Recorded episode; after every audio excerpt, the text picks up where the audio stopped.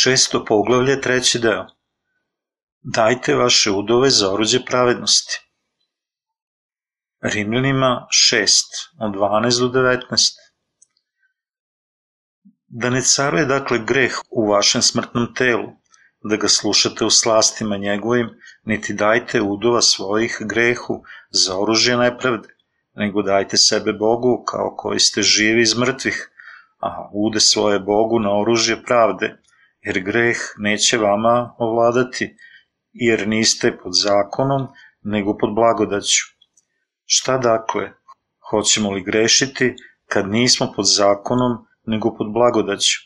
Bože sačuvaj, ne znate li da kome dajete sebe za sluge u poslušanje, sluge ste onog koga slušate, ili greha za smrt, ili poslušanje za pravdu. Hvala dakle Bogu što ste bivši robovi grehu, poslušaste od srca tu nauku kojoj se i predadoste. Oprostivši se pak od greha, postaste sluge pravdi. Kao čovek govorim za slabost vašeg tela, jer kao što dadoste ude svoje za robove nečistoti i bezakonju na bezakonje, tako sada dajte ude svoje za sluge pravdi na posvećenje. Mi ne možemo ostati u grehu radi veće milosti. Apostol Pavle nam kaže kako pravedni treba da žive nakon što su spašeni od grehova. U Rimljanima poglavlje 6 on iznova objašnjava veru Isusovim krštenjem. Naši gresi će biti oprošteni jednom za uvek kroz veru u krštenje, krst i vaskrsenje Isusova. Mi ne možemo biti puni Božje pravednosti i spasenja bez krštenja Isusovog. Da Isus nije uzao sve naše grehe kad je bio kršten, mi ne bi bili sposobni da kažemo da smo pravedni nakon primanja oslobođenja od grehova. Mi možemo sa sigurnošću reći da smo pravedni jer su svi naši gresi prešli na Isusa, jer je on bio raspet i osuđen radi svih naših grehova. Rimljanima poglavlje 6 uči o badva i o spasenju putem vere i praktičan život u pravednosti. On kaže, šta ćemo dakle reći? Hoćemo li ostati u grehu da se blagodat umnoži? Rimljanima 6.1. On kaže u prethodnim pasusima, a zakon dođe uz to da se umnoži greh. Jer gde se umnoži greh, onda se još većima umnoži blagodat. Da kao što carova greh za smrt, tako i blagodat da caruje pravdom za život večni, kroz Isusa Hrista, gospoda našeg. Rimljanima 5 od 20 do 21. Gresi sveta ne mogu prevazići Božju ljubav i pravednost, koliko god veliki oni mogu biti. Naši gresi su oprošteni Božjom ljubavlju i pravednošću kroz veru u istinitu reč. Biblija kaže da mi ne možemo ostati u grehu da bi milost mogla porasti, iako smo mi koji živimo u telu oslobođeni od svih naših grehova. Jer koji umre smo grehu, kako ćemo još živeti u njemu? Ili ne znate da svi koji se krsti smo u Isusa Hrista, u smrt njegovu krsti smo se. Tako se s njim pogrebo smo krštenjem u smrt. Rimljanima 6, 2 do 4. Mi smo pokopani sa Isusom kroz krštenje u smrt. Naša stara osoba raspala se sa Isusom, ovo znači da smo mrtvi za greh. Svi naši gresi bili su prešli na Isusa i On je umro umesto nas. Stoga smrt Isusova je naša smrt za greh. Tako se s njim pogrebo smo krštenjem u smrt. Naše staro telo je bilo pokopano sa njim kroz krštenje i smrt. Gospod je uzeo naše grehe na sebe kroz svoje krštenje i smrt na krstu, umesto grešnika. On je bio bez greha po prirodi, međutim on je uzeo sve grehe od grešnika na sebe i bio osuđen mesto njih. Da li verujete ovo? On lično nije trebalo da bude osuđen, ali mi koji smo bili grešnici, osuđeni smo u njemu, jer smo kršteni u Isusa Hrista. Apostol Pavle je stavio veliki naglasak na krštenje Isusovo. Mi takođe propovedamo krštenje Isusovo. Nije pogrešno propovedati o njegovom krštenju sa tačke gledišta vere. Isus je uzeo grehe od grešnika kroz svoje krštenje i umru za njih, baš kao što su grešnici prenosili svoje grehe polaganjem svojih ruku na glavu ponude i pogubili je u doba starog zaveta. Jovan krstitelj je krstio Isusa i agnje Božije. On je uzeo sve grehe sa sveta na sebe, krštenjem svojim kao ponudom za greh. Stoga njegova smrt je bila naša smrt i smrt svih vernika. Svi koji su bili kršteni u Isusa Hrista, ukupani su sa Isusom Hristom. Oni koji nisu kršteni u Isusa, ne mogu ni da se spasu, veruju, odreknu se sebe, niti da nadvladaju svet. Sama osoba koja veruje krštenje Isusa Hrista zna da su on, ona umrli na krstu, u njemu ovakva osoba vlada i nadvladava svet, odreće se sebe, on, ona mogu računati na Božje reči i verovati u njih. Samo oni koji veruju da je krštenje Isusovo neophodan metod kojim je on poneo sve grehe sa sveta, primio oslobođenje od grehova. I to je njegovo savršeno spasenje. Suština spasenja kroz oslobođenje od grehova je krštenje i krv Isusova. Da Isus nije uzeo grehe od grešnika kroz svoje krštenje, njegova smrt ne bi imala ništa sa našim spasenjem. Jezgro spasenje je krštenje Isusovo. Svi gresi sveta su prešli na Isusa kad ga je Jovan krstitelj krstio. Mi ćemo da živimo sa Bogom i hodimo u novom životu. Apostol Pavle kaže, tako se s njim pogrebo smo krštenjem u smrt. Rimljanima 6.4 Svi oni koji su kršteni u Isusa Hrista izbavljeni su po veri, ukupani sa njime i imaju nove živote u njemu. Ova vera je velika vera. Vera u njegovo krštenje je vera koja je ustanovljena na zdravom zemljištu. Tako se s njim pogrebo smo krštenjem u smrt, da kao što usta Hristos iz mrtvih slavom očevom, tako i mi u novom životu da hodimo. Jer kada smo jednaki s njim jednakom smrću, bit ćemo i vaskrsenje. Rimljanima 6 od 4 do 5. Mi se možemo ujediniti sa Bogom po veri u Isusovo krštenje. Sada oni koji veruju u Isusa Hrista mogu hoditi novim životom.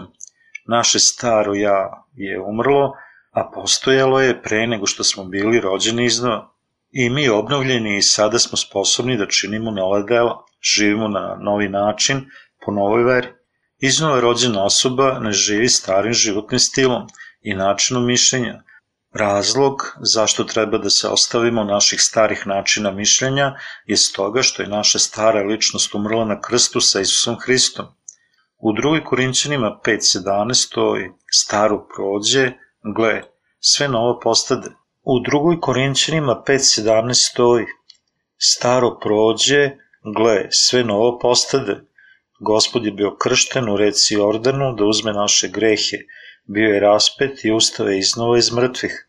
Stoga on je spasao sve grešnike od njihovih grehova, da bi oni hodili novim životima. Naše staro mišljenje nalik, bedi, tegobi, gorčini i rani srca je prošlo. Sada su otpočeli naši novi životi.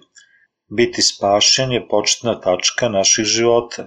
Bog govori ljudima Izrela da drže pashu nakon što su izašli iz Egipta i ušli u zemlju Kanan. Izlazak iz Egipta simbolizuje buduće spasenje od grehova.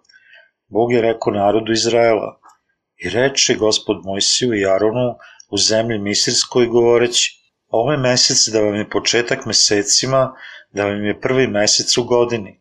Kažite svemu zboru Izraeljevom i recite, desetog dana ovog meseca svaki neka uzme jagnje ili jare po porodicama po jedno na dom.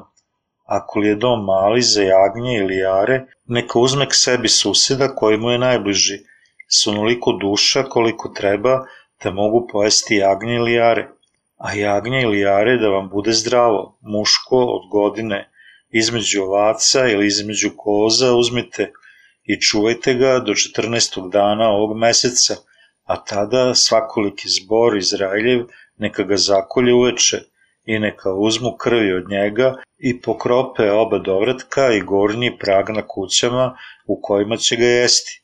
I neka jedu meso iste noći na vatri pečeno s hlebom presnim i sa zeljem gorkim neka jedu.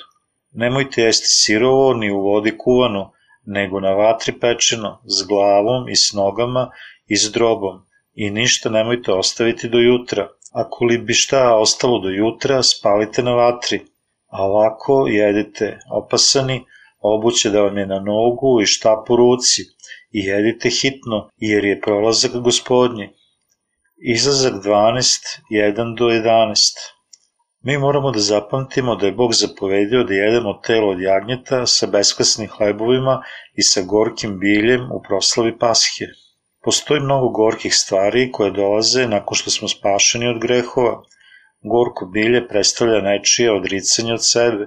Postoji izvesna teškoća, mi još moramo da zapamtimo da smo pokopani s Hristom, jer šta umre grehu, umre jedan put, a šta živi, Bogu živi. Tako i vi, dakle, držite sebe da ste mrtvi grehu, a živi Bogu u Hristu, Isusu, gospodu našem. Rimljanima 6, od 10 do 11. To je srž ujedinjenja sa Hristom, sa Isusom. Mi postajemo ujedinjeni sa Isusom putem vere u njegovo krštenje, krst i vaskrsenje, koje je on ispunio. Njegova služba uključuje njegovo rođenje, primanje krštenja od Jovana Krstitelja, raspeće, vaskrsenje, vaznesenje i njegov ponovni dolazak da sudi mrtvima. Vera u sve ove stvari jeste istinska vera. To je vera u spasenje, sud i pravednost Božju. U Rimljanima 6.10 stoji, jer šta umre, greh umre jedan put. Isus nije oprao naše grehe u dva odvojena intervala. Isus je upio grehe sa sveta sve odjedno. U Rimljanima 6 od 10 do 11 stoji, a šta živi, Bogu živi. Tako i vi, dakle, držite sebe da ste mrtvi grehu, a živi Bogu u Hristu Isusu, gospodu našem. Mi smo zaista mrtvi grehu, ali Bogu smo živi. Sada mi smo živi za Boga. Mi imamo nove živote i postajemo nova bića. Da ne caruje dakle greh u vašem smrtnom telu, da ga slušate u slastima njegovim, niti dajte udova svojih grehu za oružje nepravde, nego dajte sebe Bogu, kao koji ste živi iz mrtvih, i ude svoje Bogu za oružje pravde, jer greh neće vama vladati, jer niste pod zakonom, nego pod blagodaću. Rimljanima 6 od 12 do 14. Jer greh neće vama vladati, jer niste pod zakonom, nego pod blagodaću. Mi nemamo greha nakon što smo izbavljeni bez obzira koje slabosti mogu da se otkriju u našim životima. Mi izvesno imamo slabosti jer i dalje živimo u telu, međutim greh ne vlada nad nama. Nema osude za nas jer smo primili oslobođenje od grehova kroz veru u krštenje.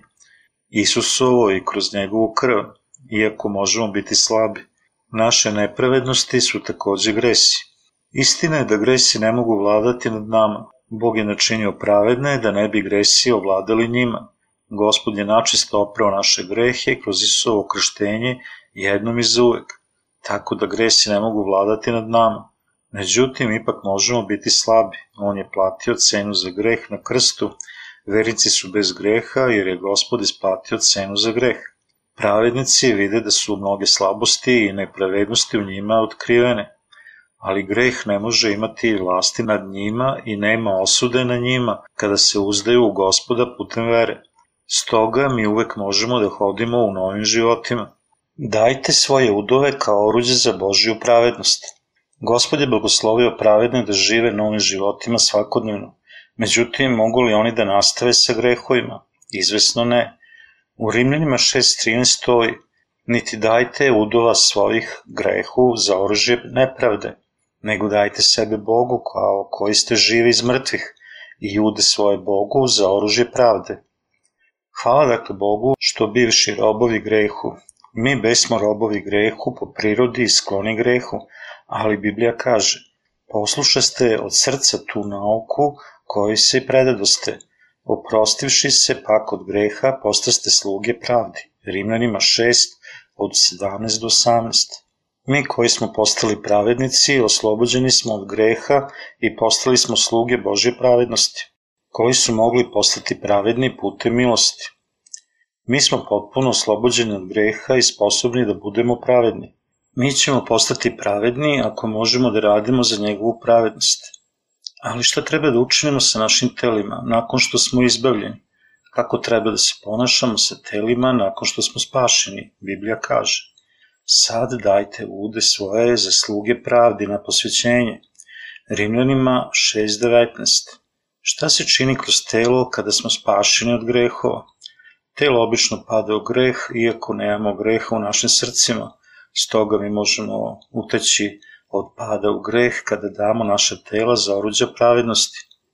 Ovo takođe znači da ćemo mi jednostavno dati naše telo za pravedna dela, jer smo učinjeni pravednima. Mi treba da se obučimo u pobožnost. Da li smo bezgrešni, iako je telo slabo, nakon što smo spašeni?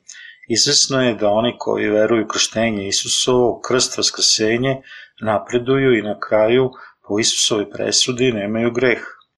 Oni su bezgrešni, mi samo treba da predamo naša tela za pravedna dela i naše srca takođe žele da čine pravednost, ali telo nije dobro u delu za njegovu pravednost. Tako u prvoj Timotijevoj 4.7 stoji Obučavaj se u pobožnosti, mi treba da se obučimo u pobožnosti. To se ne čini za kratki vremenski period. Kada damo evanđelske knjižice drugim ljudima, mi se možda postidimo ako se susretnemo sa sličnim ljudima. Mi ih možda izbegavamo i vraćamo se kući u početku jer osjećamo sramotu. Međutim, ako mi to pokušamo nekoliko puta, mislimo, moja stara ličnost je već umrla i tada dobijamo hrabrost govoreći, otići ćeš u pakao ako nemaš spasenje, Kada učinite tako, vi možete dati vaše telo za pravednost. U Rimljanima glava 6 nam kaže da damo naše udove kao oruđe pravednosti za svetost. Mi moramo dati naše udove za oruđe pravednosti. Mi moramo to uvežbati mnogo puta. To se ne čini za kratki vremenski period. Mi moramo pokušavati iznova i iznova. Mi ćemo doći do saznanja kako je to zanimljivo posjećivati crkvu ako pokušamo da prisustujemo u crkvi. Mi ne treba da mislimo da verujemo to, ali ja bih da verujem sve kod kuće. Ja očigledno znam šta moj pastor želi da propoveda. Oba dva, telo i srce, treba da budu u crkvi. Vera raste u srcu samo kada mi damo naše udove za oruđe pravednosti. Mi moramo dati naše udove za delo pravednosti. Da li shvatate šta sam rekao? Mi ne treba da se držimo podalje od zajedničkih skupova i susreta sa strešinama. Kada krenete u prodavnicu, bit će bolje da odete u crkvu i otvorite vrata s rečima. Ja svratih na putu za prodavnicu. Šta ima? Dolazak u crkvu je obično radi davanja vaših udova za oruđe pravednosti. Tada će strešina reći, sestro, da vidimo da li možemo ovo da razjasnimo. Da, onda molim vratite se ove večeri. Radi čega? Imaćemo druženje sa mladima ove večeri. Dobro, ja ću se vratiti večeras. Mi smo uposleni u svetu, ali gde bi trebalo da damo naša tela najpre, kada nas ljudi iz sveta pitaju da posetimo njihove skupove. Mi moramo dati sebe crkvi, trebamo posećivati crkvu, iako smo upitani da ručamo sa kolegama naše firme. Mi ne treba da prepustimo naša tela restoranima, iako su naše srce u crkvi. Ako učinimo da naša tela pobegnu iz sveta i prepuste se crkvi, i naša tela i srca bit će udobna. Šta vi mislite, ako vaša tela učestano posećuju požudna mesta, postaćete neprijatelj suprostavljen Bogu, suprostavljen želji, iako vaše srce želi da se ujedini sa crkvom. Mi moramo dobro da obučimo telo sa duhom. Mi moramo dati naše tela za oruđe pravednosti, ali time se ne misli da je telo savršeno, Mi moramo dati naše udove za pravedna dela iznova i iznova, kroz naša tela nastojimo da činimo radi svog zadovoljstva. Mi obično idemo sličnim putem, zavisno od toga za kakva oruđa dajemo svoja tela.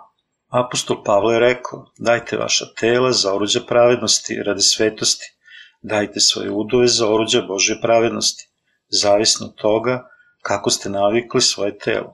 Ako ste navikli telo da ide i pije, telo automatski ide da pije. Kao rezultat, telo žuri u bar dok ste istovetno u crkvi. Ako sedite u baru, srce osjeća patnju, ali ako sedite u crkvi, srcu je ugodno, premda telo pati. Telo takođe ima sposobnost, telo zavisi od toga kako smo ukrotili srce. Telo kaže, ja volim alkohol, kada neprestano pijemo, takođe telo kaže, ja mrzim to, kada ne pijemo, zašto? Jer telo nije ukroćeno. To zavisi od toga kako smo ukrotili telo. Iako je srce očišćeno, Sveti Duh preuzima brigu o našem srcu. Sveti Duh nas i dalje drži, iako smo van crkve. Međutim, mi moramo dati telo za oruđa pravednosti radi svetosti. Stoga posećujemo crkve iznova i iznova u svakom slučaju. Oni koji su spašeni moraju se obučiti do pobožnosti. Biblija nam kaže da slušamo reč Božju i njome da budemo vođeni. Razlog zašto bi trebalo da budemo vođeni reču Božjom, stoga što mi uvek volimo da činimo kako naše telo želi. Mislimo kako je naše telo naše, jer mi idemo u shopping, plešemo i pijemo po svom zadovoljstvu. Teško je da sedimo i koncentrišemo se na službu obožavanja u crkvi. Stoga mora da nas vodi strešina. Ti sedi ovde, dole i slušaj reč Božju. Dobro. Mi trebamo biti paćenici, iako se dosađujemo slušanjem beseda, misleći ja moram da sedim ovde sa paćenicima, zašto se tako dosađujem iako mogu da sedim po tri sata u baru. Samo jedan sat prošao od kada sam čuo besetu. Ja pijem po 5 sati u baru i podjednako igram poker po 20 sati bez pomisli da prekinem. To sve zavisi od telesnog treninga. Telo koje će obično sedeti dole u crkvi mrzi da ide u bar. Međutim, za osobu koja je dobro istrenirana u piću, sedeti dole u crkvi je poput pakla. Želo bih da istrete na nekoliko dana i onda vi možete naučiti da istrajavate. Vreme je teško dok ne istrenirate vaše telo. Mi moramo da potrošimo naše vreme u crkvi kada želimo da učinimo druge stvari sa našim vremenom. Mi trošimo naše vreme u crkvi, razgovaramo sa strešinama, braćom i sestrama da budu istrenirani. Meni je tako ugodno u crkvi i nema ničega što me tamo spotiče. Međutim, kada ja šetam ulicom, mnoge stvari me spotiču. Postoji mnoga iskušenja, poput odeće u izlazima, prodavnica, odeće. Potrošim dva sata dok idem kući kada gledam naokolo sve te stvari koje želim da vidim, tako da na kraju mogu da odem pogrešnim putem. Idem da pogledam na strane stvari ako se ovde pojavi nešto strano. Kasnije shvatim kada ću ja otići kući, želim nekoga da me vodi kući. Stoga ne tumarajte sa mesta na mesto na vašem putu do kuće. Mi moramo ići pravo kući nakon službe obožavanja, putovati u crkvu autobusom i pravo na našu odrednicu. Ako mislite, nemoj me pokupiti za odlazak u crkvu, ja ću samo otići u crkvu. Ja imam dva zdrava stopala, tako da nema razloga da idem u crkvu crkvenim autobusom.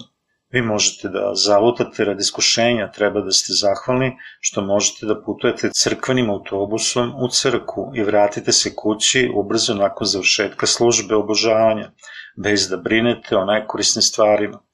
Bolje da čitate Bibliju, uputite molitve i odete u krevet ubrzo nakon odolaska kući. Biće bolje za vas da tamo živite.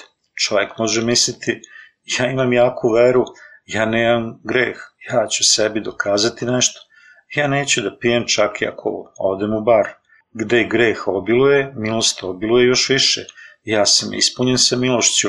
Ako on misli tako i ide u bar, njegov drug će reći, hej, hoćeš li piće? Ne, da li si me ikad vidio da pijem? Prestao sam da pijem. Ipak, hoćeš li piće? Ne. Zašto ne popiješ samo čašu vina? Njegov drug sipa vino u čašu i daje ali on misli, ja pijem mineralnu vodu i ako me iskušavaš da pijem alkohol, tada se on prisjeća kako je bio pijanac nekad davno i misli kako bi to bilo prijatno. Zašto mi ne ponudi vino još jednom? Ja hoću samo jedno piće. On brzo dovršava mineralnu vodu. Tada njegov prijatelj postaje svestan da ovaj hoće da popije i sipa vino u praznu čašu. Nije jako, ti možeš popiti to kao koktel. Ne, ja ne bi trebao. Zar ne znaš da ja verujem u Isusa? Međutim, na kraju ispija čašu s alkoholom i njegov drug zna da on dobro pije.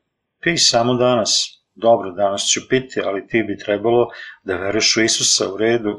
Ja nemam greha, iako pijem, ali imaš li ti greha? Ti bi trebalo da se spaseš od svojih grehova. Važna stvar je da mi doprinosimo telom. Ljudska bića su nalik tome, oni nisu ništa čudno. Važna stvar je gde mi doprinosimo telom. Dajte vaše udove kao oruđe pravednosti radi svetosti. Dajte vaše tela za svetost, jer tela nisu sveta. Ja koristim piće kao primjer ovde, ali druge stvari su iste kao ove. Zavisno od toga kako smo istrenirali telo. Mi smo spašeni verom u jedan hleb i on je večni, ali pobožnost naših srca i telo zavisi od toga gde mi predajemo naše telo. Mi osjećamo da se srce takođe prlja kada predajemo naša tela za nečistotu, iako je srce čisto. Tada mi ostavljamo našu veru, idemo protiv crkve, uzimamo zalud ime Božije i udaljavamo se od Božih prisustva, postajemo obmanuti satanom. Mi ćemo na kraju biti uništeni. Stoga pazite se da ne bi bili uništeni. Morate biti pažljivi kako možemo imati posla sa našim dnevnim gresima nakon što smo spašeni od grehova. Gde se umnoži greh, onda se još većma umnoži blagodat. Gospod je takođe sasvim upio naše dnevne grehove, tako da mi ne možemo nikada postati grešnici iznova, iako mi možda zgrešimo mnogo puta. Međutim, mi ćemo možda imati problema ako se telo menja do zlog iznova i iznova. Gde treba da dajemo naša tela? Telo treba da ide neimenovanim putem. Ja sam govorio do sada da bi vi razumeli ovo telo postaje sveto samo ako je srce sveto i ono postaje oruđe pravednosti pred Bogom kad ga mi dajemo za oruđe pravednosti. Mi moramo usredsrediti svoje živote na crkvu nakon što smo spašeni. Biblija govori da je crkva nalik nekoj gostionici. Crkva je isto što i neka gostionica. Mi nastavljamo s obožavanjem i govorimo jedni drugima u crkvi, tako da se jedno obično idemo u crkvu. Osoba koja obično odlazi u crkvu postaje duhovna osoba i osoba koja obično ne ide u crkvu ne može ići u duhu, koliko god da je njegova njena vera ranije mogla biti. Osoba koja obično ide u crkvu automatski napreduje duhovno, bez obzira koliko je možda slaba, to je radi duhovnog duženja nakon što imamo izbavljenje. Ne postoji mesto u kojem bi mogli stanovati osim crkve. Želim da dođete u Božju crkvu onoliko puta koliko možete da nastavite u društvu sa njegovim narodom. Skoknite u crkvu, posetite svaku službu, obožavanja, slušajte Božju reč i savjetujte se sa crkvenim starešinom za sve što planirate da učinite.